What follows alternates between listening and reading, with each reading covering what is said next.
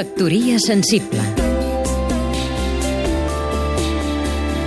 Ramon Muntaner, músic i gestor cultural.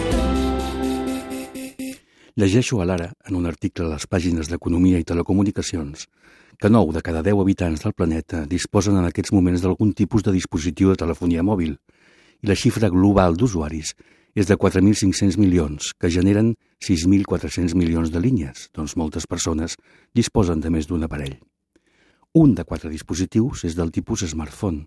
Aquests telèfons disposen de veu i dades i en els últims 3 anys sembla que els serveis de veu, és a dir, trucades, es mantenen sense créixer, mentre que el trànsit de dades es dispara d'una manera exponencial i s'ha multiplicat ja per 8.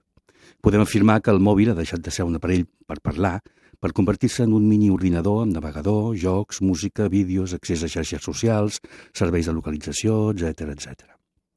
Si aquestes dades tan contundents són certes, és evident que els nostres hàbits, la nostra cultura, estan en un procés de transformació brutal, en el que mai tantes persones havien tingut tantes facilitats per arribar a tanta gent i a tants continguts en tan poc temps.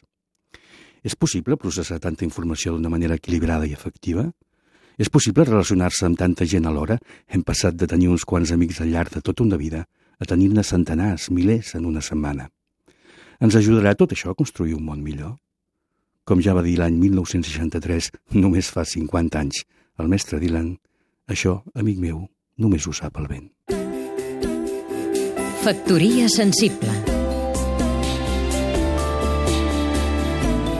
Seguim-nos també a catradio.cat